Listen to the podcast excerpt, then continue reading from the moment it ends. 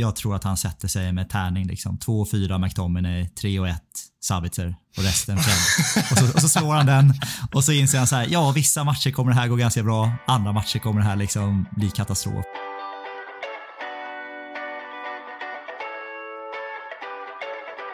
Can Manchester United score? They always score. Rooney! Oh, wonderful! It's Berbatov! It's brilliant! Marcus Rashford! Oh, glorious! That is a special one! It's Beckham! It's a beauty!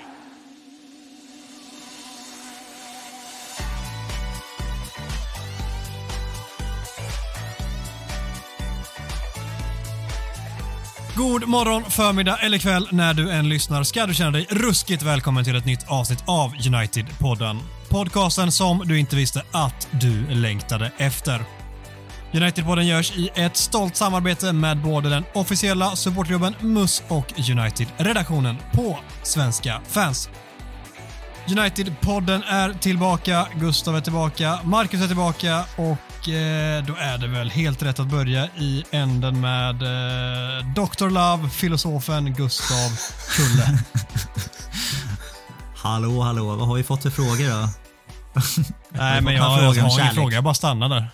Bara stanna där, bara konstatera. Nej, men det, var, det, var det för internt kanske? Ja, lite kanske. Du får förklara för lyssnarna. Vad är det vi refererar till?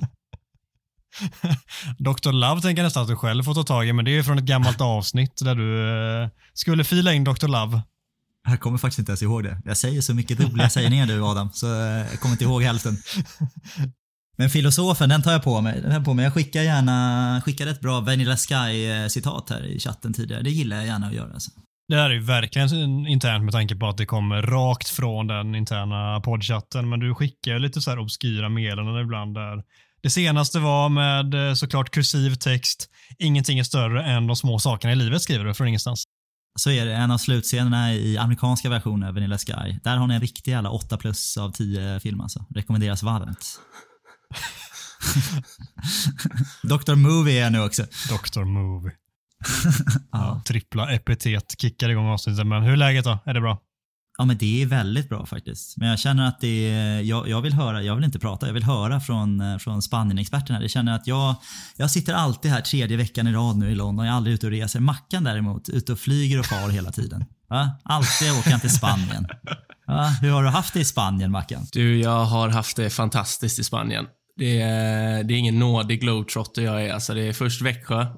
Det är inte många som har turen att få uppleva den fantastiska stad. Och sen Spanien bara någon vecka efter. Alltså, det, är, det är lyx på hög nivå här. Ja. Så sitter han där Gustav med en vit jävla, jag vet inte om det är någon pikétröja, solkysst satan. Vad, vad är det för jävla gubbe som sitter här framför oss? Ja, äldsta tricket i boken att ha vit, vit skjorta på sig när man kommer hem från solsemester. Den där, den gubben går inte Mackan. Jag vet precis vad du gör. Så jävla Ja. genomskådad. Ja, det är du. Ja, hur, hur har du haft det då? Hur många, hur många hole-in-ones? Nej, in, inga hole-in-ones dessvärre. Eh, alltså, betydligt fler dubbelbogies, tyvärr. Eh, men eh, likväl fantastiskt att få spela golf i värme och på, på bra gräs. Så eh, nu är jag ändå energifylld och på gott humör. Och det var ju ändå ett tag sedan. Så det är härligt. Ja. ja. Var, var har du varit någonstans? Jag känner att när jag var ute och reste i Spanien så körde jag en sån här eh, 10, 8, 6, 4 poäng eh, på spåret. Liksom. Jag känner att jag, jag vet inte vart du har varit i Spanien. Så dra igång bara på 10 poäng.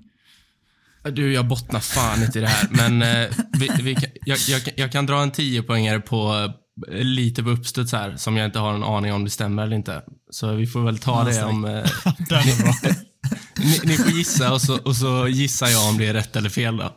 Ja, det Eh, låter fantastiskt. Okej, på uppstuds här. Eh, den mest golftäta orten i Spanien.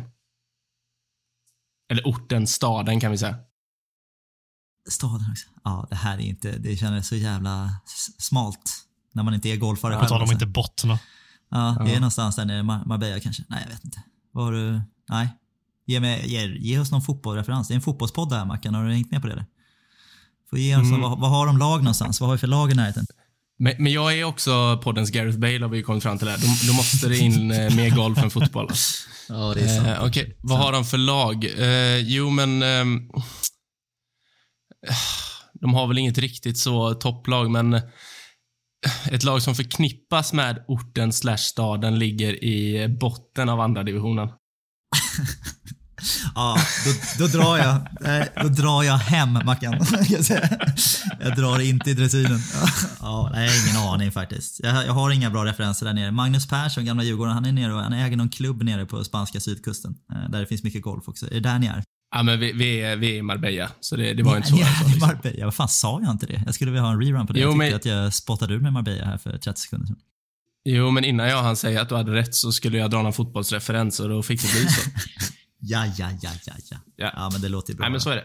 Nej, men det har varit bra. Det har varit många, många sangria-kannor, många San Miguel, mycket sol eh, och golf. Så eh, det kan ju inte bli bättre, tänker jag.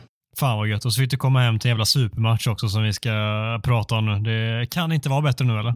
Låter som en dröm. Har man, är, är, man, är det som att fråga liksom, eh, hur har julen varit i april? Om man säger typ så här, vad, vad tycker, det hände ju någonting när vi spelade in avsnitt här senast. Stort sven, svensk mediabevak på en före detta United-spelare. Vi har ju ändå koppling här på Janne Andersson och Bojan Djordjic. Det kanske inte känns dagsfärskt alltså, men eh, har ni, kan ni inte ge oss lite åsikter om det? Vill du ha åsikter om det nu så här en och en halv vecka? Ja, men jag känner ändå att jag vill ha, jag känner inte att vi har surrat om det i podden eh, eller, på, eller på, på WhatsApp. Jag känner att jag börjar liksom bottna i den här nya liksom, programledarrollen.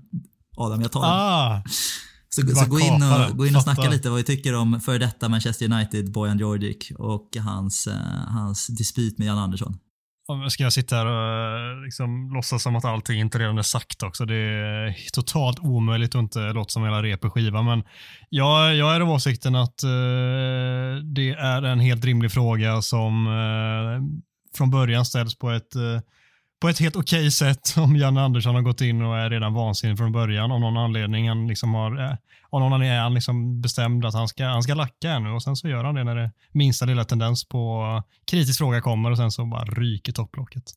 Vet man vad jag kommer att tänka på när man ser den här intervjun? Alltså inte, inte, de är inte jättelika, men det är lite fanchal på presskonferensen när han får en kritisk fråga om att United spelar defensivt. Då, bara, då bränner han av fullständigt och har med sig en jävla mapp som visar att West Ham slår, slår mer långbollar i United och spelar defensivare.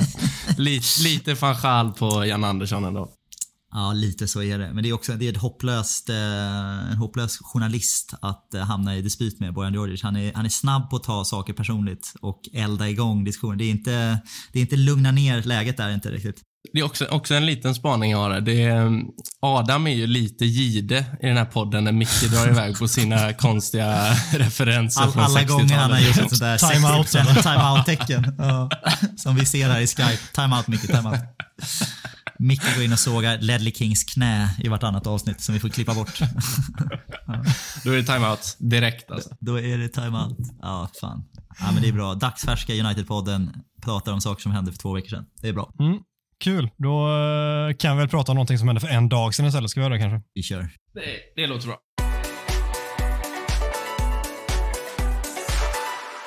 Solklara 0-2 i baken och indragna i Champions League-kampen i allra högsta grad. Hur dålig insats var det egentligen som United stod för mot Newcastle, Gustav? Eh, alltså inte så jättedålig som det såg ut. Newcastle gjorde en väldigt bra insats. Om man ska, om man ska börja någonstans faktiskt. Sen så var det väl det är skillnad på om man har 10-20% mer motivation och drag i galoscherna. Då ser det ut ungefär så här. Men annars så i grund och botten gör vi inte en katastrofinsats tycker jag. Men Newcastle var väldigt bra. Det var fina ord att börja med. Mackan, du ska ju som alltid få riva av din eh, veckans macka och eh, vi tar den nu och så tar vi snacket därefter. Mm. Men då går vi tillbaka till en sån här säsongen eh, 21-22 veckans macka då.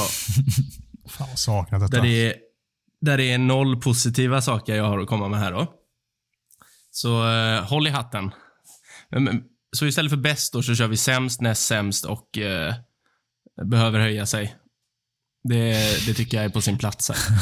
Starkt. Så jag, jag börjar på sämst. Eh, Ja, men du kan väl vänta med, börjar vi inte så här stegar liksom eller? Någon måtta Okej, får det vara. Så, så jag kör tredje sämst då? Ja, det tycker vi. Ja, det tycker jag Ja. verkligen.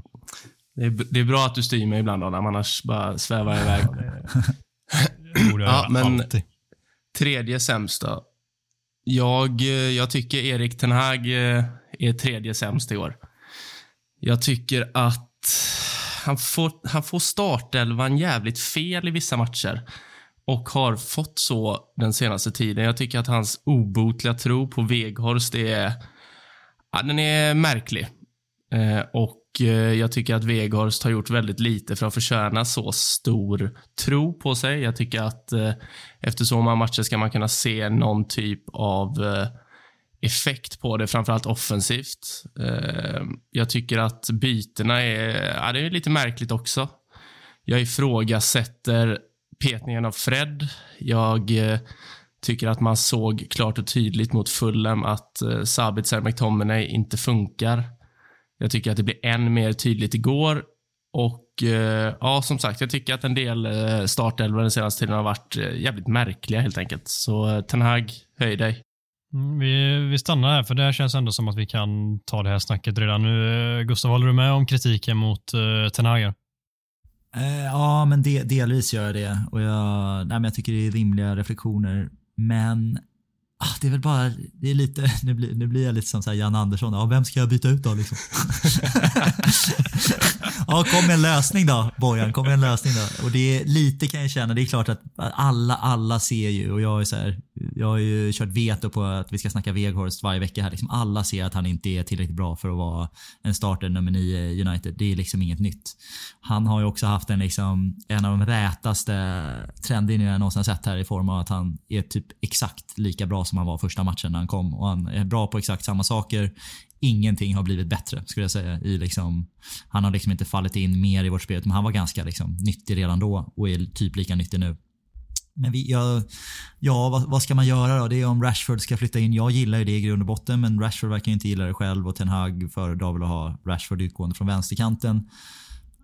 Så, så vad gör vi då? Falsk nia Fernandes liksom? Eller eh, ja, Elanga där uppe. Så jag, jag, för, jag förstår att han har fått spela så mycket. Det är mest för att man, nu är Martial tillbaka då, så han kanske kan ta en konkurrens på riktigt då. Eh, som om han kommer vara frisk även nästa match. Det är helt osannolikt. Men det är, så jag, jag, tyck, jag tycker väl i grund och botten inte att Nej, jag håller, nej, det var nog det frågan var. Jag håller inte riktigt med. Jag tycker det är lite hårt. Jag tycker att han gör, han gör vad han kan och eh, vi saknar kvalitet på en nyckelposition som vi blir väldigt drabbade för. Och när Casemiro saknas också så då är det svårt att trolla med de spelare vi har.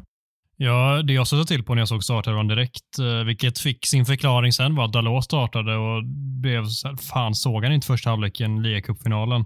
Men samtidigt så kan man ändå känna, fan, det, alltså, jag, jag fattar att han väljer Dalot där, det gör jag, så det, jag tänker inte rikta kritik mot det, men man märker ganska tidigt att han har problem med Sam Maximan, alltså från, egentligen från start i matchen, Dalot, och eh, det känns som att han nog, Ten Hag på något sätt, om han inte, om han ändå vill spela Dalot, ska han hitta en annan lösning taktiskt som gör att vi kan dubbla där eller liksom isolera honom på ett annat sätt, för det är ständigt de kommer eh, loss med San Maximan och Dalot har det extremt svårt. Jag fattar att när Wan-Bissaka inte är tillgänglig att det blir Dalot som ändå landar på, även om det finns alternativ i typ att spela Lindelöf där, så tycker jag ändå att det är rimligt att spela Dalot.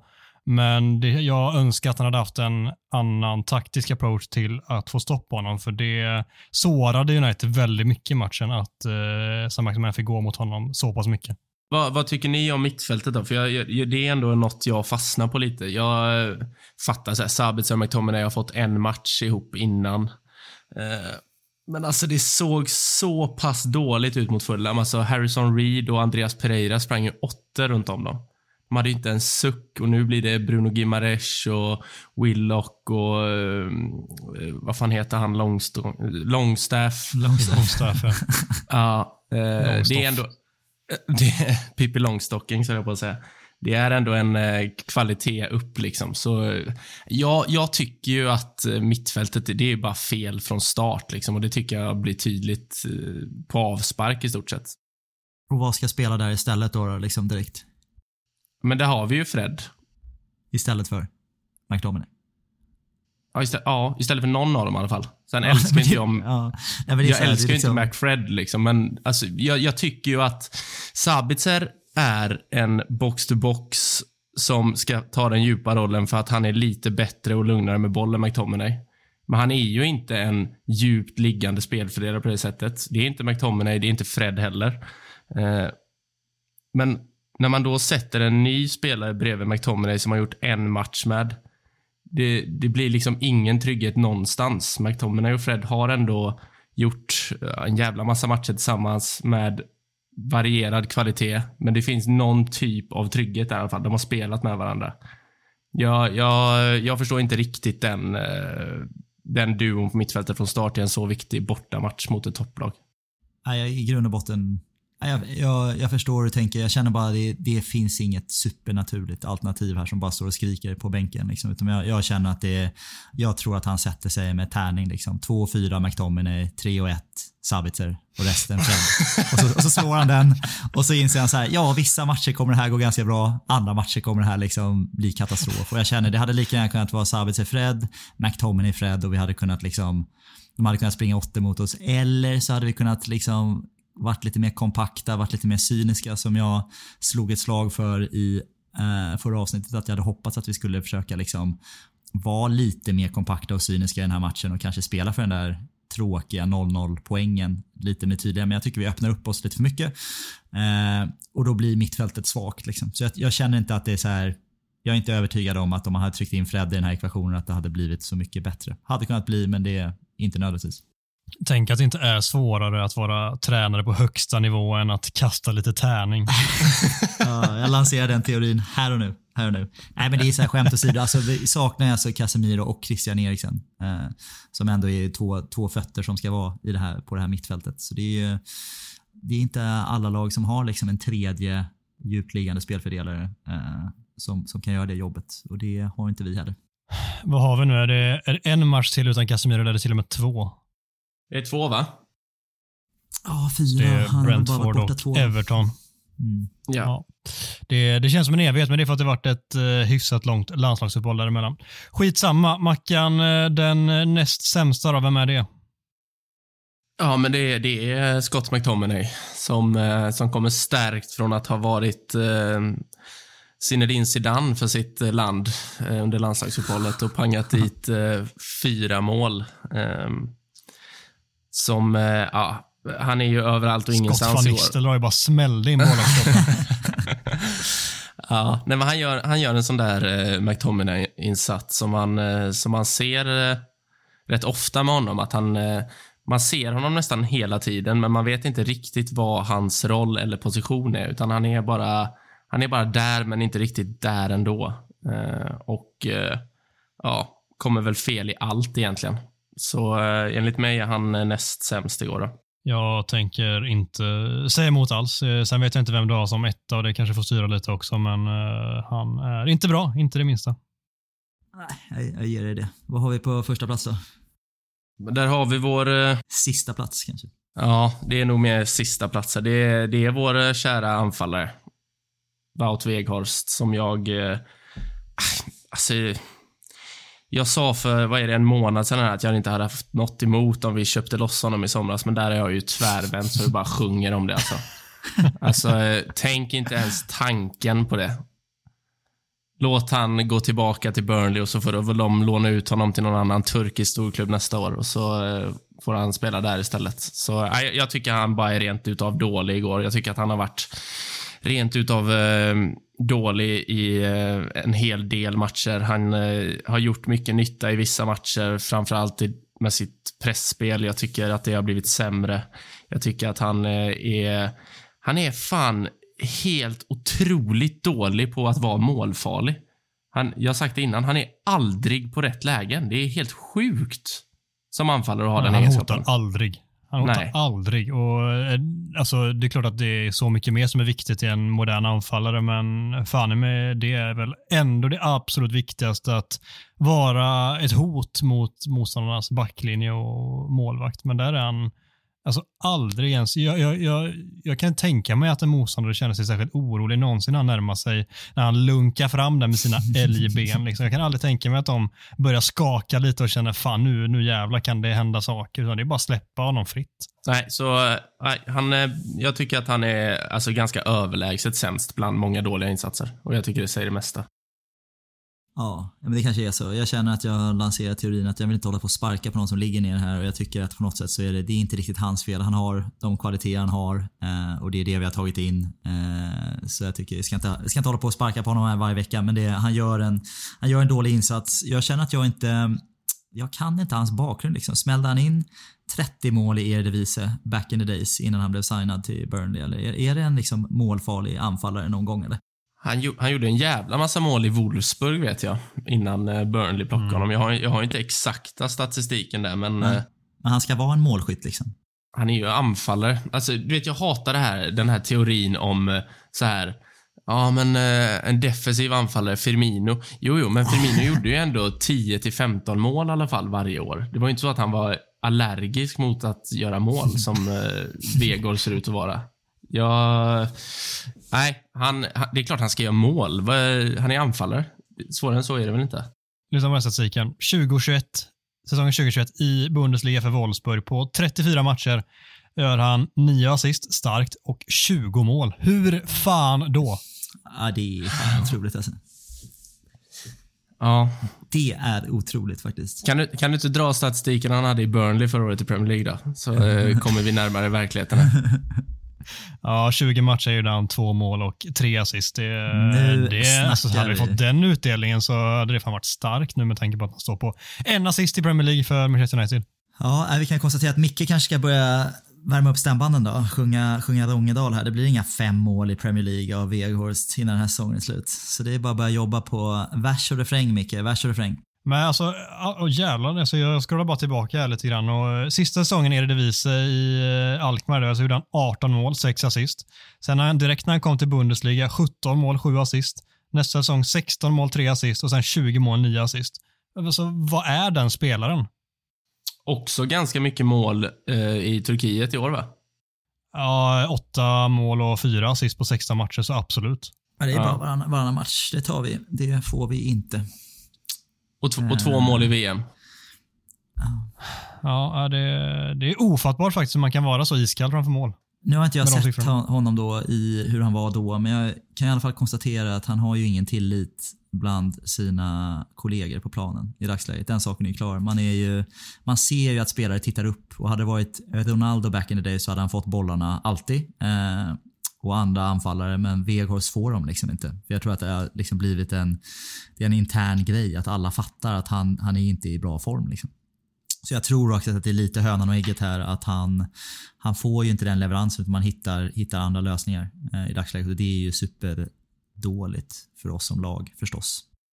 Mm. Han, han är inte i bra form, är en, eh, det, det är ju snällt. Jag tror att de tänker, han är inte en bra fotbollsspelare. Det, det tror jag du hör, är, är du hör ju statistiken. Någonstans så har han ju uppenbarligen fler, fler mål i sig per säsong än vad Martial någonsin har haft. Liksom. Ja. ja. Ja, det, det, alltså när man ser den här spelaren så kan man inte förstå att det är samma spelare som har gjort så pass mycket mål. Det måste varit fan i med att det var någon riktig king i Wolfsburg som bara sköt honom i bröstet varje match rätt in i mål. Jag kan inte tänka mig något annat. Alltså. Nej.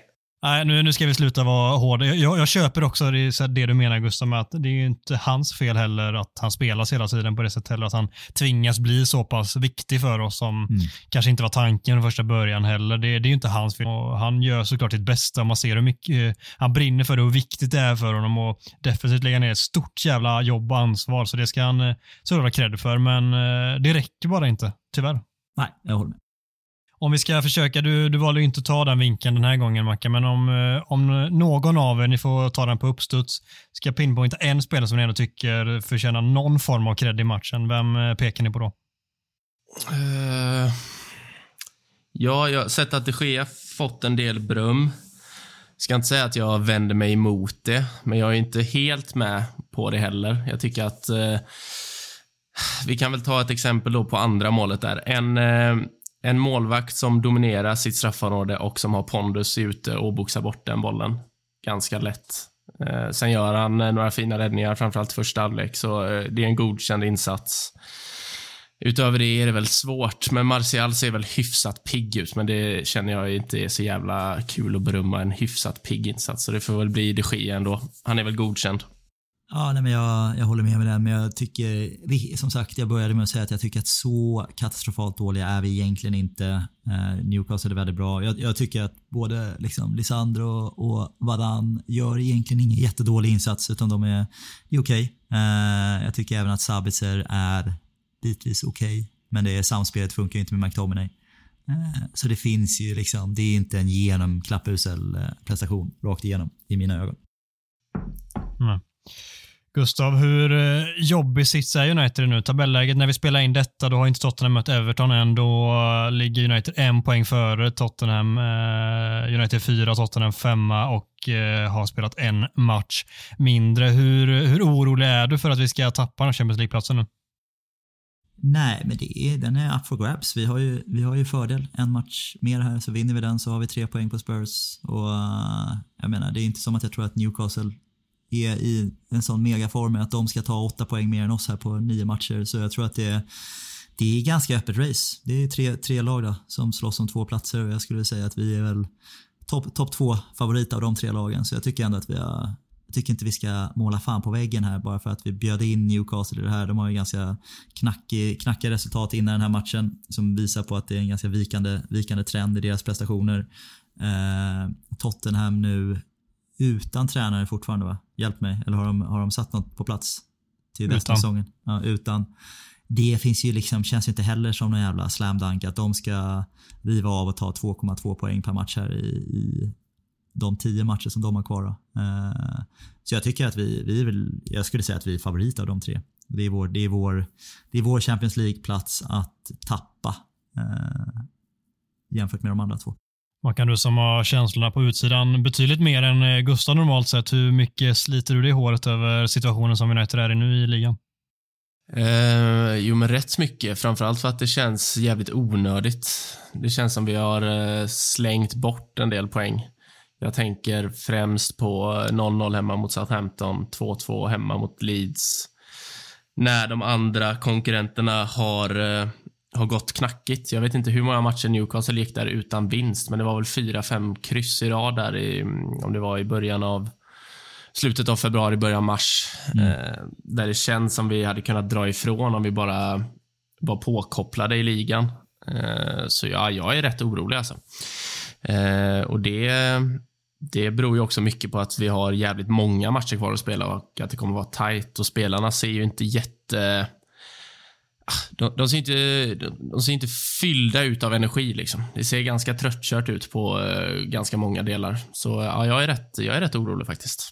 Jag tror det kan bli jäkligt tajt. Jag tycker framförallt det sista är oroande och inte kanske att de ser just fysiskt trötta ut, alltså att benen ser trötta ut, utan att de känns liksom eh, mentalt jävligt slutkörda. Att det, det, det är där någonstans skon klämmer och det är det som oroar mig allra mest. Att de ska orka hålla upp Eh, både fokuset och alltså motivationen. Förstå mig rätt, det är klart de har motivation till att vinna matcher, men på det sättet som krävs när marginalerna är så otroligt små på den här nivån så krävs det sån otroligt jävla engagemang, otroligt jävla fokus och att liksom det ska sitta fullt ut när vi går runt på så pass ändå få spelare. Det, det är där någonstans som gör att jag känner mig orolig. Annars om man tittar nyktert på det med ett litet mer helikopterperspektiv som du är Gustav, så förutsättningarna är ju såklart gynnsamma för, för oss och för Erik Ten Hags mannar, men det, det är just det sistnämnda där med den mentala slutkörda tröttheten som gör mig orolig i detta skedet. Nej, men det, kan, det kan jag dela och jag kan känna att det det, hade, det sätter ju vårt, liksom, vår spelfilosofi och vårt spelsystem lite på, lite på sin spets. Då, och då är det liksom en första säsong med en ny tränare och lite nya spelare nu. Så man märker ju att det finns ju inte en jättetrygghet i vårt grundspel i hur vi ska skapa, ska, skapa chanser att göra mål. Så man hade ju gärna haft en anfallare där uppe som löser lite mål av sig själv. Eh, sådär, liksom var och varannan match. Och det har vi inte just nu. Så det, det finns ju en utmaning i det. Alltså man ser ju att det det hackar lite i spelet. Men det är, nej men jag tror det här kommer lösa sig. Vi behöver inte oroa oss. håller tummarna för det, för fan målskyttet, det, det måste ju lossna om något. Jag tror vi har tre raka matcher nu i ligan utan att göra mål och det har vi förhoppningsvis ändrat på mot eh, Brentford på onsdag kväll. Med det sagt så eh, klappar vi en matchsnacket och beger oss in i Talk of the Town.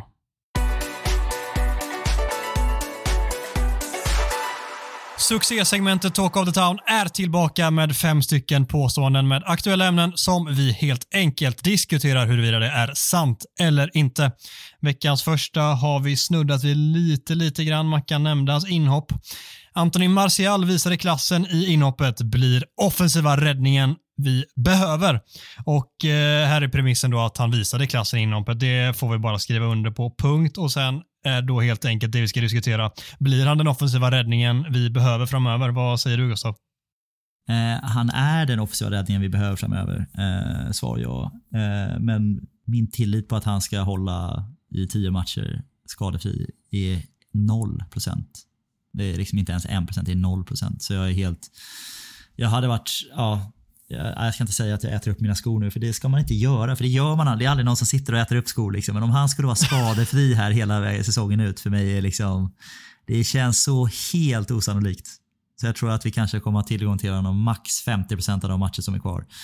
Eh, och det är liksom inte den kontinuiteten vi behöver av honom. Men han är, han är den vi hade behövt, men jag tror inte att han kommer vara det.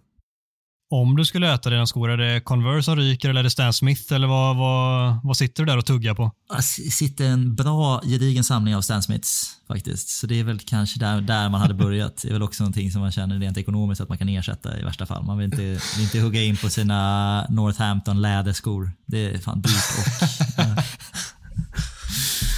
Det är Fan vad du sitter och pussar dem varje kväll.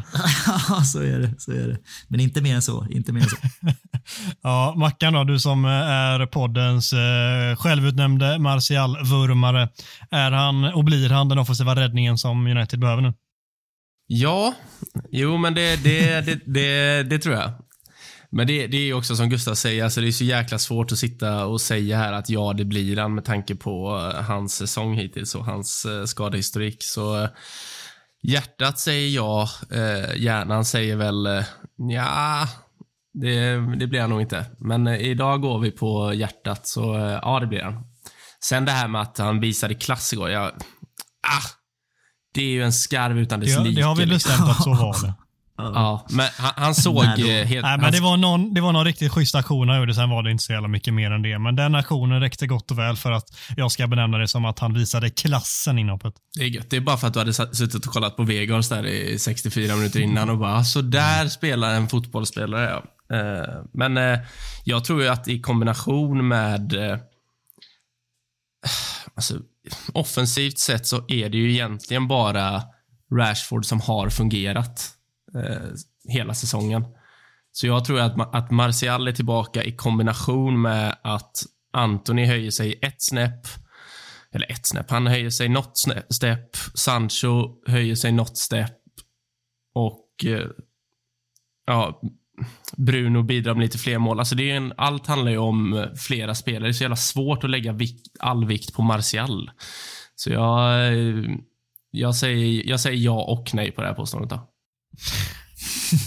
ja, fegt. Men så här, jag, jag, fattar verkligen vad du menar och grejen med Martial också är att han kanske inte, jag klart han kommer göra fler mål än Weghorst som han spelar tre matcher. Det, det räcker nog, men med det sagt så de matcherna han spelar kommer han ju göra just de spelarna som du nämner bättre, sätter dem i fler lägen. Det kommer göra att anfallsspelet flyter på ett annat sätt, vilket vi verkligen skriker efter nu. Så det är väl framför, framförallt det som är nyckeln, att vi med det också kommer kunna luckra upp lag som vi har så jävla svårt att luckra upp eh, med Weghorst där fram. Så eh, jag väljer den optimistiska inställningen här till att han kommer vara så pass frisk. Han kommer absolut inte kunna spela alla matcher. Det är jag lika säker på som Gustav. Men eh, jag väljer att tro att han kommer kunna spela tillräckligt många för att det ska göra så pass stor skillnad att det är det som blir den offensiva räddningen som också gör att vi eh, rider den här säsongen i mål och kanske känner oss tämligen nöjda efteråt. För att få ut det bästa av Jadon Sancho måste han nötas in från start. Här kan väl du få börja då Mackan. Är det det som eh, är nyckeln för att få fart på Jadon Sancho nu ordentligt? Det kommer så här lösa rykten nu om att den Ten Hag ska ha tröttnat på honom som man kan göra precis vad man vill med. Men för att få fart på honom. Vi tycker att vissa inhopp gör han är bra, vissa start gör han bra, men det klickar ändå inte fullt ut. Är det bara liksom nöta in honom från start som gäller för att eh, få honom att flyga? Vad tror du? Eh, ja, men det tror jag absolut kan ha en eh, stor del i det. Han har väl inte startat två matcher i rad sedan han kom tillbaka, tror jag. Eh, vilket jag, jag tycker är anmärkningsvärt, alltså med tanke på vem, att vi har haft en jävla häst upp på topp. Liksom. Vart, vart, är, vart är en anfallstrio med Sancho, Rashford och eh, Anthony? Det kan jag ifrågasätta starkt. Eh, så det är, alltså alla spelare behöver ju förtroende. Eh, då är det alltid lättare att prestera. Han har haft en jäkligt tuff säsong med ja, mycket problem både på och utanför plan, så det är det är klart att det kommer ta tid innan han är tillbaka till eh, det han visade i Dortmund, men eh, ett steg i rätt riktning är väl att starta några matcher i rad och få lite kontinuitet på det. Det tror jag säger sig självt egentligen. Skulle du också peka på det som nyckelfaktorn för att få igång honom, Gustav? Eh, ja, det är fasen svårt. Man börjar känna lite att eh, man börjar bli osäker på om det kommer om det kommer bli någonting av Jadon Sancho. Det kanske, kanske är väldigt negativt, men det, det jag, börjar se lite oroväckande ut. Jag vet inte vad det är som inte klickar. Och det jag har ju sett, sett bitarna som ni har sett tidigare också där man känner att det är en supertalang. Men han får ju uppenbarligen inte kontinuerligt ut det och jag tycker att vi borde ha ett spelsystem som i grund och botten passar ganska bra för honom. Det känns inte som att han är liksom felplacerad i, eh, i ett lag som inte spelar den typen av fotboll han, han föredrar. Så jag, jag fattar inte riktigt vad det är som inte funkar och uppenbart så är det någonting som Ten Hag inte gillar heller. Annars hade han ju han hade sett saker på träningar som hade gjort att han hade fått starta mer än två matcher i rad eh, sen han kom tillbaka.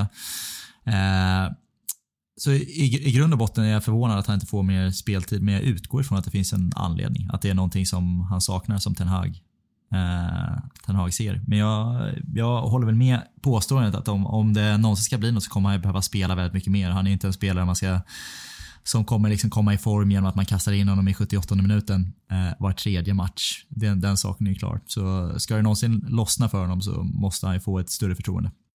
Ja, det är just det sista som du säger som jag väljer att peka på också. att Han måste, eh, alltså det är väl framförallt det som gör att ska man säga. Det är det som är det, den sista inom citationstecken eh, utvägen, chansen för att få igång honom ordentligt den här säsongen är tror jag bara nöta in honom och då ska man väga det gentemot vad det finns för alla alternativ också. Det, det är svårt såklart.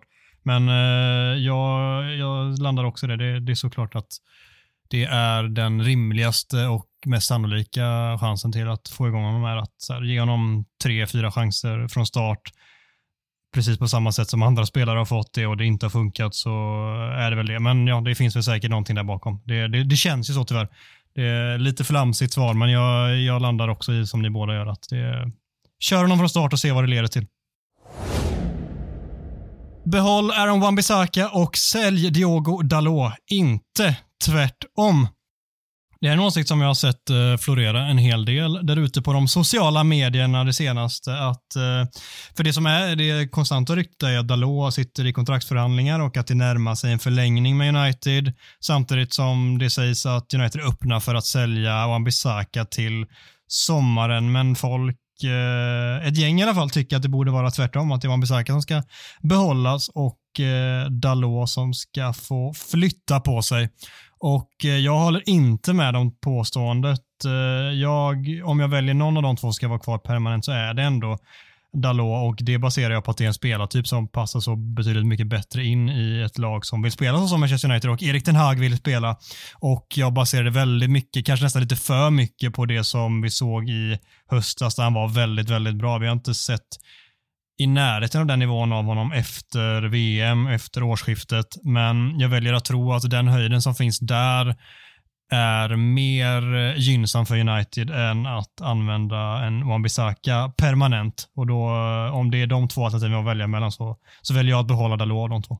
Vad säger Gustav? Jag eh, förstår inte varför det diskuteras att man behöver sälja en av dem överhuvudtaget faktiskt. Jag tror att vi har pratat om det tidigare. Jag, jag, tycker att man har en fin kombination av fire and ice här. Man har två väldigt olika högerbackar som passar i olika matchsituationer. Båda kommer kunna vara, vara bra och nyttiga för oss under nästa säsong eh, med sina olika kvaliteter. Precis som ni sa, jag tycker båda har under säsongen visat skyhöga toppar i grund och botten. Wan-Bissaka hade också en period där han såg väldigt, väldigt bra ut. Eh, och Dalot hade en höst som såg väldigt, väldigt bra ut. Eh, och på olika sätt. Så jag, jag, tycker i grund och botten inte att man ska man ska leta efter en ny högerback i första läget i huvudtaget. Utan jag tycker att vi, vi har någonting att jobba med där. Eh, om jag får välja en, eh, eller behöver tvingas välja en, så tror jag att jag hamnar i samma analys som du gjorde Adam och hade valt Dalot. Men eh, nej, jag vill ha kvar båda. Håller mycket med Gustav här. Jag, jag har sagt det någon gång, jag har inte haft eh, några problem med att behålla både Dalot och Wan-Bissaka i ja, men två, tre år framöver. Jag tycker att de eh, kompletterar varandra bra på, på sitt sätt och jag tycker Wan-Bissaka under våren har varit klasser bättre än eh, Dalot har varit. Jag vet inte vad som hände med honom efter VM där. Det är, det är det som kan störa mig lite med Dalot, att hans eh, toppar är höga men hans dalar är fan eh, avgrundsdjupa alltså. Det är som att han eh, tappar allt det han är bra på när han når de här formsvackorna. Hans, alltså hans offensiv är eh, obefintlig eh, nu. Hans passningsspel är eh, under all kritik. Eh, jag tycker att han ser svajig ut i defensiven också. Eh, på samma sätt som Wan-Bissaka har sina brister och eh, de bristerna vet vi alla om. Eh, men det är, det är två fullgoda alternativ tycker jag. Eh, sen verkar det ju som att Ten Hag verkligen vill ha in en ny högerback. Eh, och enligt tyska uppgifter läser jag förut så är det Jeremy Frimpong han vill ha. Så, och det är ju i stort sett en högermittfältare kan man väl nästan säga. Han fungerar ju som höger wingback i Leverkusen och gör en jävla massa mål och assist. Så det lär ju bli någon som lämnar och då, då får jag ändå hålla med där också. Då, då behåller jag nog Dalot. Det gör jag. Spelet på bortaplan kommer kosta United topp 4. Mackan, är det din lilla punkt så jag lämnar över den till dig? Ja, eh, alltså. Det är, väl, det är väl inte bortaplansspelet i stort kanske, utan det är framförallt det jag lutar mig mot här med det här påståendet. Det är väl bortaplansspelet mot topplagen eller eh, lagen på övre halvan. Jag såg efter matchen igår statistik florera på vår bortaplansstatistik bortaplanstatistik mot de övriga topp eh, top 9-lagen. Eh, och det är ju ingen, eh, ingen rolig läsning. Det är inte. Det är alltså 6-25 i målskillnad på... Hur många matcher var det? På sex matcher så har vi släppt in 25 mål mot Brentford, City, Aston Villa, Arsenal, Liverpool och Newcastle det är ju... Eh, det är fan häpnadsväckande dåligt. Det är... Och jag, jag, tycker också att man kan se det. Alltså, jag har svårt att komma ihåg en bortamatch där vi verkligen har dominerat spel, spelet och gjort oss förtjänta av en, eh, ja, men en, en klar trepoängare det känns som att vi ofta harvar oss till de här vinsterna. Det är, många, det är no, eh, flera uddamålssegrar, det är något onödigt kryss. Jag, jag, vet inte riktigt vad det, vad det är. Det, det, känns så jäkla konstigt att vi har gjort Old Trafford till någon typ av borg i år där vi ändå har varit jävligt starka, men på bortaplan så ser vi jäkligt lite av det. Tycker jag. Eh, och eh, även om vi är fyra i bortatabellen i Premier League så så känns det som att sådana insatser mot resten av topplagen kostar i slutet. Och jag tror att det kan bli jäkligt kostsamt. Vi har Tottenham kvar borta i en vad som kan bli en riktig sexpoängare. Eh, och då får vi fan ha fått ordning på det här, för det känns som en kollaps på bortaplan mot något annat topplag är alltid lite nära. Och det är jävligt oroväckande. Jävligt svårt också att pinpointa vad, vad fan anledningen är till det. Har du gjort någon analys där, Gustav? No, nej, men jag tror att det är väl någonting jag var inne på lite innan. Alltså, att jag, jag känner att vi är naiva på, på bortaplan. Jag tror inte nödvändigtvis att det handlar om att vi ska vara lika spelförande och dominanta som vi, vi är hemma. Och Det är samma det här, det här resonemanget. Kan, jag kan också vända på det och säga att vi har ju faktiskt varit enormt bra på hemmaplan eh, med Ten Hag. Och det är ju någonting vi har saknat under flera års tid. Så vi kan ju också vara lite positiva här i podden och konstatera att vi har gjort Old Trafford till en riktig borg på riktigt och varit, har otroligt bra statistik på hemmaplan, vilket är fantastiskt. Men på bortaplan, jag tror att vi har varit lite naiva, spelat lite samma hemmaspel och blivit lite straffade av det. Vi har inte riktigt samma energi eh, med oss på bortaplan som vi har på hemmaplan. Eh, och jag, jag efterfrågar lite mer cynism i, i våra gameplans. För vi har ju faktiskt en en recent manager här i Ole Gunnar Solskär som, eh, vad var det, var det 30 matcher i rad eller någonting han gick på bortaplan utan att förlora eller sånt Var det något? Det var något ja, för honom var det ju tvärtom. Man kunde inte vinna hemma, men kunde inte heller förlora på bortaplan. Nej, det, precis. Och det var ju för att han liksom ställde upp med en ganska cynisk gameplan med och spelade på våra styrkor och lät liksom motståndarna gå i våra fällor. Och jag vet att det är att svära i kyrkan när man ska vara spelförande och vi ska vi ska ha den budget och de spelare vi har. Men jag tycker i, i en övergångsperiod som vi är inne i med den här truppen så tycker jag, jag mår inte dåligt av att man spelar lite mer cyniskt eh, på bortaplan än vad vi har gjort. Jag tycker vi har gått bort oss lite i vår naivitet eh, för mycket på bortaplan och det är därför vi släpper in mycket eh, och inte gör lika mycket mål som vi gör på hemmaplan, tror jag. Jag förespråkar generellt att man ska inte in i döden eh, liksom nöta in det som man, eh, den spelidé som man vill ha långsiktigt.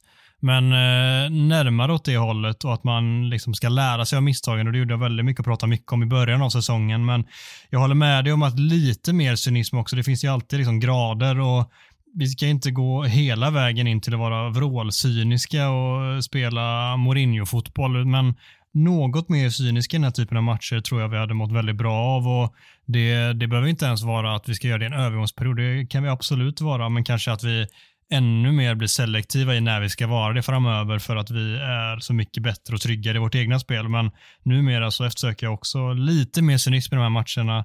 Inte mycket, men lite. Det, det jag kan, eh, jag vet att jag har sagt det och det är väl ingen eh, jävla jättedjup analys heller, men just i de här lite tuffare bortamatcherna då, vi säger, vi säger inte de allra tuffaste, utan vi säger Brentford, vi säger Aston Villa, sådana typer av matcher. Så känns vi, alltså det känns inte riktigt som att vi är eh, påkopplade. Jag vet att Shaw har sagt det i flera intervjuer, bland annat efter matchen igår, att eh, eh det handlar inte om kvalitet idag. Newcastle är ett väldigt bra lag, men vi förlorar på motivation och vilja. Vad är det liksom? Det, kän, det, känns inte riktigt som det händer på hemmaplan och det är ju, alltså det är ju konstigt först och främst. Men det, jag tror också det kan för, alltså, få en att förstå lite varför vi, är, varför vi har så många svaga resultat på bortaplan. För det är, många insatser är, är dåliga rent mentalt. Vi är inte där från början. Vi, alltså igår är ju Newcastle bättre från på riktigt första sekunden. Det är ju inte så att de växer in i matchen och tar över, utan de är ju bättre från att de tar avspark. Och det är ju oroande som fan tycker jag. Nej, det håller jag med, håller jag med om. Och det, det, det är ett orostecken. Jag vet inte varför Ten Hag som hade, hade en bra förmåga att motivera truppen tidigare under säsongen, att den glöden har försvunnit lite. Jag, jag tänker att det är det är ett problem med, vi har ju i grund och botten konkurrens, men jag tycker att vår konkurrenssituation är inte bra för vi har bara väldigt många dåliga alternativ på, på flera platser just nu. Vi, vi, har liksom inte två, vi har inte två spelare i form som konkurrerar mot varandra, utan vi har två spelare som båda är ur, ur form och typ får lika mycket speltid ändå för att den andra spelaren inte heller är så bra i form. Så vi hade behövt liksom vi plockar tillbaka Alex Telles så vi får fart på Luke Shaw. liksom. så vi får lite fart under galoscherna. Jag tycker att det är... Eh, nej men jag, jag känner konkur konkurrenssituationen inte bra för att just nu så får man spela framförallt den där topp... Ja, Vegors har vi konstaterat men den där topp trean bakom honom där får ju liksom spela de får så mycket speltid oavsett om han är bra eller inte. Anthony och ja, Bruno och Rashford har väl varit bättre då. Men Sancho får ju sin speltid också. Det är inte bra, tycker jag. Vi ska väl också for the record säga att den här eh, målstatistiken ser ju ännu värre ut med tanke på att det var den här freak-matchen mot Liverpool också med 0-7, men det är fan inte bra heller, även om man skulle ta bort den rakt av. Nej, vad blir det då? 6-18 på, på sex matcher. Inte, ah. mm. inte Nej, det är jättevassa siffror. Det är inte tillräckligt bra. Det är så här, va, så här, liksom, och det har man glömt bort med när man glorifierar gamla Alex Ferguson-dagarna, eller Sir Alex-dagarna. han var ju extremt cynisk på bortaplan. jag tror om man har grundinställningen att man, man vinner på hemmaplan och spelar oavgjort på bortaplan så snittar man väl två poäng per match och det blir väl 78 eller 76 poäng på en säsong. Liksom. Det är fan, då har man sin Champions League-plats. Och så kan man börja ta lite, gräva in lite borta segrar sen och så är man uppe och vinner titlar. Liksom. Jag tror inte man ska komplicera det mer än så. Jag tror mm. att vi, eh, vi gör det för svårt för oss. Ja, men lite så, alltså full jävla fart och all out för att vinna de tre poängen på hemmaplan och bortaplan så är det viktigast att inte förlora och sen så kan ett kryss förvandlas till segrar många gånger och eh, till slut så blir det jävligt mycket poäng och eh, då är man garanterat med i guldstriden. Så är det. Vi har en punkt kvar och det är en lansering, en premiär av vår helfräscha satsning vid namn veckans Town Hall. Det är verkligen inte svårare än att vi varje vecka kommer plocka ut en av våra fem punkter som vi riktar lite extra fokus på. Innan jag läser upp veckans fokuspunkt, vad 17 menas med Town Hall för den oinvigde, Gustav? Ja, men en town hall är, jag tror att man fasen använder det. Jag tycker att det här är cor corporate language på svenska också när jag jobbat hos svenska arbetsgivare. Att man ska ha ett, ett town hall. Eh, det handlar om att man liksom bjuder in alla invånarna i, eh, i samhället för att få voice their opinions och få göra sina röster hörda och diskutera och debattera vissa ämnen. Så då har man ett litet town hall-möte.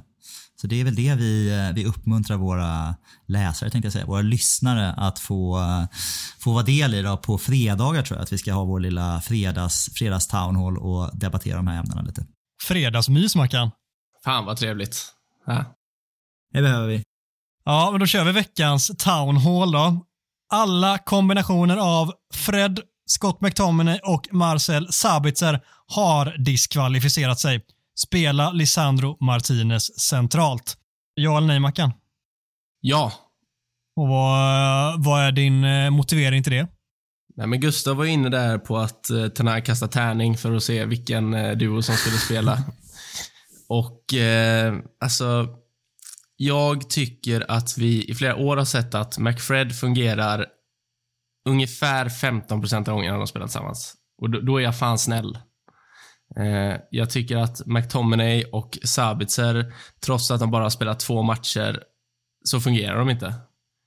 Eh, då, då måste man fan prova någonting annat. Och som jag ser det nu så har vi i så fall två alternativ. Nej, vi har tre alternativ. Det är att flytta ner Bruno. Det är jag super emot. Och vi har spela Kobi Mainu. Och det är fan inte lätt för en vad är han, 18 bast är han va? Mm. 17 eller han fyllt 18 nu. Ja, 17. Eh, och komma in bredvid en, ja, antingen då en Scott McTominay, en Fred eller Sabitzer och så ska han lösa Uniteds mittfältsproblem. Det vill man inte lägga på någon 18-åring i hela världen. Eller så har vi att eh, flytta upp Lisandro Martinez eh, i en lite mer utpräglad defensiv mittfältsankare position. Eh, och då säger jag, varför inte? Chansa. Och då säger folk, Victor Lindelöf då? Ja, men då säger jag, skit i han nu. För att han är, inte, inte, inte bara för att han är svensk. Alltså det här, det här jävla svenskrunket över Lindelöf måste fan få ett slut nu. Så, om vi har Lisandro Martinez som har spelat defensiv mittfältare. Victor Lindelöf har väl, han har kommit in som defensiv mittfältare en gång i United. Och vad jag vet så har han väl fan inte spelat i Benfica heller. Eh, ungdomslagen i Benfica har gjort det periodvis, men fan det är fortfarande mittback han är på ett helt annat sätt än eh, Lisandro Martinez. Ja, ja. Ja, jo, Vegard gjorde väl säkert tusen mål i ungdomsleden har sett allt också, men det har ju mindre betydelse liksom. Så eh, jag säger ju att just nu, för att jag, jag, vill inte se något av McFred eller Sabitzer Tominay eller Sabitzer Fred. Jag vill, jag vill se något nytt och det, nu har vi ändå, vi har Brentford i veckan, vi har Everton på lördag. Skulle vi gå med något av de mer traditionella mittfältsvalen mot Brentford och det inte fungerar, så upp med Martinez alltså. Vi, vi har väldigt lite att förlora på det, säger jag. Så du vill ändå se en match till med någon av uh, de övriga tre och sen om inte det funkar, då vill du se Martinez på lördag mot Everton? Ja, egentligen inte, men uh, i, så, i, i så fall ge Fred och Sabitzer en chans då. Så har vi, kan vi utesluta de två efter den här matchen också. positiv. men om, alltså, det kanske var jag som bara inte fattade, men om du får välja då så vill du en, alltså, då är det Martinez på, även på onsdag mot Brentford som ja. gäller på mittfältet? Ja. Mm, mm. Gustav, hur ser du på detta? Eh, ja, men lite, lite knepigt. Det är bara massa olika dåliga alternativ. Jag gillar i grund och botten inte att man, eh, att man börjar ta från någonting som fungerar. Och då har vi ett mittbackspar som fungerar ganska bra. Så i grund och botten gillar jag inte att man ska in och liksom försöka, försöka göra en läcka på taket genom att ta en, en planka i golvet. Liksom. Då blir, det känns som att det blir, då blir hål någon annanstans istället. Eh, men vi har, det enda vi har där, är att vi har ju faktiskt ett alternativ att flytta in Luke Shaw då, och det har funkat ganska bra. Eh, men då får man ett problem på vänsterkanten istället. får man Malaska som det är liksom så här, Ni hör ju att det här täcket är lite för litet. Liksom, så här, antingen så är vi kalla om fötterna eller om huvudet. Liksom. Så det, vi, ser, vi ser vad problemet är. Så i grund och botten är jag inte så förtjust i det här. Men jag kan hålla med om att mittfältet har, de här mittfältstrion är inte supersexy. Så jag, eh, håller, jag tycker nog att det är okej okay i två matcher nu utan Casemiro att försöka någonting annat. Så därför lanserar jag eh, min, min nya tärning då med sex alternativ med ett Sabitzer, två Fred, tre McTominay, fyra Martinez, fem Lindelöf och så sex Phil Jones som ändå spelat defensiv mittfältare ett par gånger. Jag tycker ändå så här, någonstans där bak i frysen sitter han liksom. Dra fram honom tänker jag. Så där har ni två slag, eller två tärningar drar han och hamnar på samma får man slå om så får man hitta en, hitta en mittfältsduo där framöver. Där har ni förutsättningarna. Fan, den råsexiga innermittfältsduon av eh, Martinez och Phil Jones här. ni skrattar, det, ni skrattar. Den tar jag i dagsläget. det är synd att eh, Jones inte är registrerad, för annars hade, annars hade den ju kunnat fungera va? Ja, det är så. Kanske han får inte vara registrerad. Vad tråkigt. Ja, där sprack den. Där sprack ja, den. Ja, men så tänker jag. Men vi får köra upp, upp, med, upp med backar som mittfältare och prova det lite. Då. Vad tycker du då Adam? Uh, jag säger nej, jag, av anledningen som du pratar om tidigare, att jag vill inte uh, ta sönder någonting som funkar och Martinez som mittback bredvid varann är så jävla viktig för oss, särskilt i uppspelsfasen. Och ja, Luxor har funkat bra som vikarie där, men som du säger, då får vi in Malassia på vänsterkanten istället. Och ja, då tycker jag inte vi ska rubba på det, utan då kör jag hellre med ett mittfält där mitt Eh, val i så fall blir Sabitzer och Fred. Jag vill inte se McTominay där. Jag vill se Sabitzer och Fred. Men eh, kanske att Bruno får ta lite mer, att han får vara lite mer defensivt ansvarig, jobb, alltså lite lägre ner i banan, att vi kan packa det lite mer så att de får någorlunda ytterligare uppbackning som de inte har fått på det sättet eh, som vi hade behövt. Ja, så det, det är dåliga alternativ egentligen allihop, men jag tycker detta är minst dåligt att köra med Fred och Sabitzer som är naturliga mittfältare än att flytta upp Martinez som inte har spelat där på ett par år och är så jävla viktig för oss i sin nuvarande roll i backlinjen. Jag, jag, håller med, jag håller med er här. Man ska, inte, man ska inte flytta på något som fungerar, men jag tycker fan ni snackar ner Malaysia nu. Så jävla eh, dålig är han inte. Ni, ni snackar det som att vi, det är typ eh, Borthwick Jackson vi har eh, på bänken liksom, istället för så. Fan, släng in Shaw i mitten. Det hade varit brutalt gött. släng in Shaw i mitten och fan, låt Malaysia spela någon match. Liksom. Det fan, jag, jag, jag, ser inte, jag ser inte så stort problem i Malaysia. Liksom. Det, det gör jag verkligen inte. Nej, så han är inte så dålig, men fortfarande så är det ett för stort nedköp på en backlinje som funkar så bra. Eller en del, alltså tre fjärdedelar i alla fall, som funkar så bra att eh, jag inte tycker att det är värt det när jag tror att Fred och Sabitzer kommer funka Alltså summan av kardemumman blir något, något bättre med Fred och Sabitzer på mittfältet än det alternativet som ni lyfte upp där. Ja, återstår att se då vad, vad det blir på onsdag. får se. Men då, då uppmuntrar vi alla att snacka om det här då, på fredag. Jag tycker det här är ändå, här vill vi ha riktigt jävla tryck alltså på Twitter när vi lägger ut det här på fredag. För vi vill höra allas åsikter. Så tar vi väl upp, lovar vi att ta upp det här i nästa veckas avsnitt och lyfta fram de bästa kommentarerna och argumentationerna för, för det här ämnet. Är det inte så Adam? Ja, bästa, roligaste, mest felaktiga. Vi får se vad vi väljer att lyfta upp, men kommentarer ska såklart lyftas upp.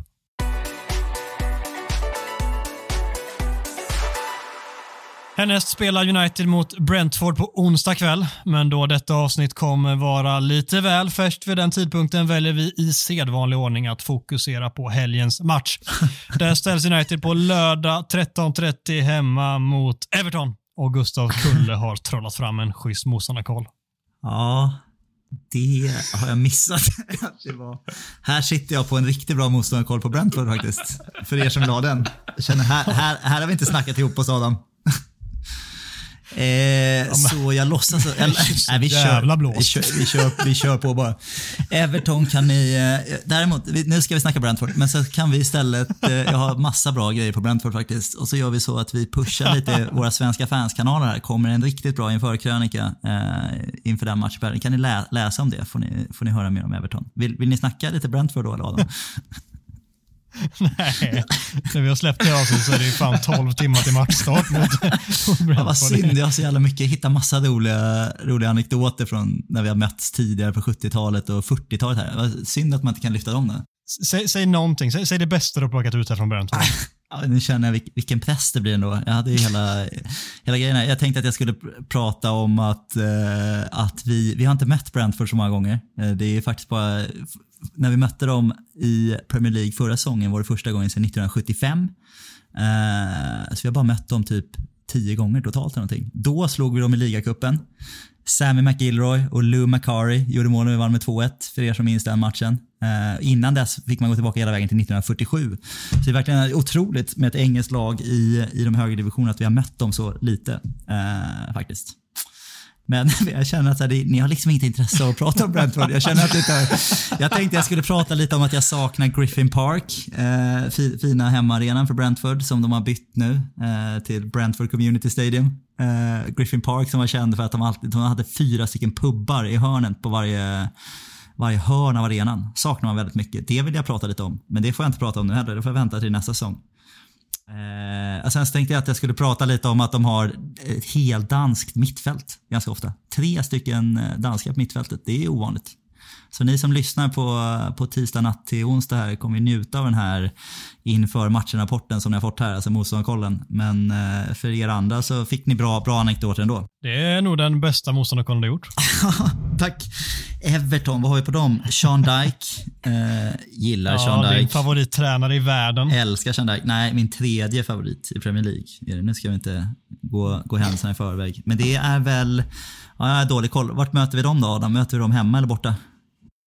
Det gör vi på hemmaplan 13.30 på lördag. 13.30 på vår hemmaborg. Det är bra. Vilka, vilka spelare ska du, man du, hålla koll du på kan där? få en eh, live eh, du kan få en live-uppdatering att vi slipper ha koll på uh, Dokore i alla fall som precis fick jag en notis på nu tog rött kort mot Tottenham. Så han eh, bommar ju den matchen av allt att döma och det är såklart jätteviktigt. Han är deras bästa spelare etc. etc. Härligt. Vad har, vad har de andra för spelare man måste hålla koll på i Everton? Mackan? Ja, vad har de för gubbar? Jag gillar ju belgan Onana på mittfältet. Tycker han är duktig. Eh, tycker han har eh, kvaliteter som kan ställa till det för ett mittfält eh, bestående av eh, ja, dundertrion vi nyss snackade om där, eller någon av de två. Eh, sen har vi väl eh, Demari Gray har eh, hittat formen från ingenstans. Ser, eh, ser rätt pigg ut. Och med ett eh, Sean Dyche-lag så får man väl alltid hålla koll på mittbackarna, tänker jag. De gör ju mer mål än anfallarna oftast i hans lag. Så det är väl eh, Tarkovsky och Cody och eh, Keane och allt vad fan de heter. Så se upp för fasta situationer och eh, ja, men mycket, mycket brunk får man fan se upp för. Det, det blir inte mycket fint spel från Everton, det blir inte. Och det är är det inte en jättejobbig typ av match att få för United också här nu? Tanke på vad vi pratade om tidigare. Svårt att göra mål, inte riktigt fått det att stämma offensivt. Ska vi ställa oss mot Everton som jobbar sjubackslinje med Coleman, Keane, Tarkovsky, Godfrey och så McNeil där på kanten också. Det är så mycket, eh, det är så mycket försvarare och defensivt lagda spelare att det, de kanske inte hotar så mycket framåt mer än fast situationer, men det kommer vara jävligt jobbigt att bryta ner dem tror jag. Mm. Nej, det är väldigt sant. Nu kommer jag att tänka på någonting här. Att 24 september 1892 så mötte vi dem första gången, kom jag på nu. Eh, då hette Kom vi... det kommer, det? eh, hade jag glömt. Eh, då hette vi Newton Heat och förlorade med 6-0. Det kommer jag precis att tänka på. Så det, där får ni lite motståndarkollen då. Så det var inte bra. Men, vi, men vi slog dem ju nu senast. Vi slog dem i FA-cupen kommer jag att tänka på också. I januari slog vi dem med 3-1. Och så kommer jag att tänka på att vi slog dem borta i oktober med 2-1. Så vi har vunnit nu två matcher i rad, kommer jag att tänka på.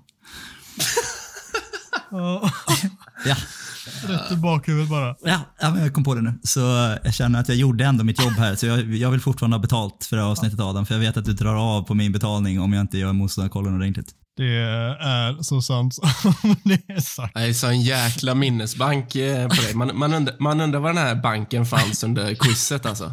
Då hade du ju seglat igenom det. Ja, då fick man ju inga frågor som var liksom mer än fem år gamla. Utan då var det allting bara senaste. Ja, vad hände förra tisdagen? Det har man inte koll på. Jag är starkare på slutet av 1800-talet än vad jag är på Ja. senaste tio åren. Så är det. Ja. ja, men det är bra. Ja. Ska vi stövla ut i det här avsnittet med ett uh, sedvanligt tips eller? Vad, vad kom du på att den här matchen slutar Gustav?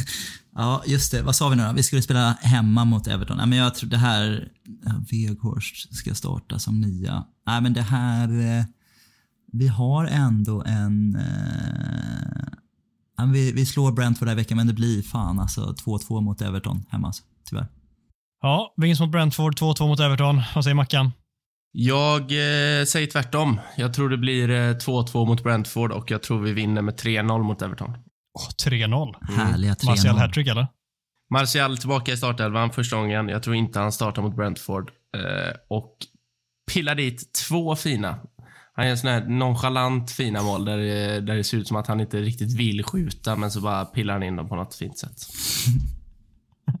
De vill vi ha. Ja, det är fan med dina favoritmål.